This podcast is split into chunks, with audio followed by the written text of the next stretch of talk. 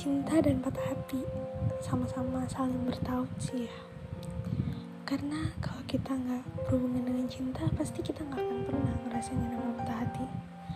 Nah di sini gue cuma mau sharing tentang sebuah kata-kata tentang cinta yang akan jadi banyak-banyak episode sekali. Dan semoga kalian suka dengan karya-karyaku yang sebenarnya untuk mengisi waktu kegabutanku ini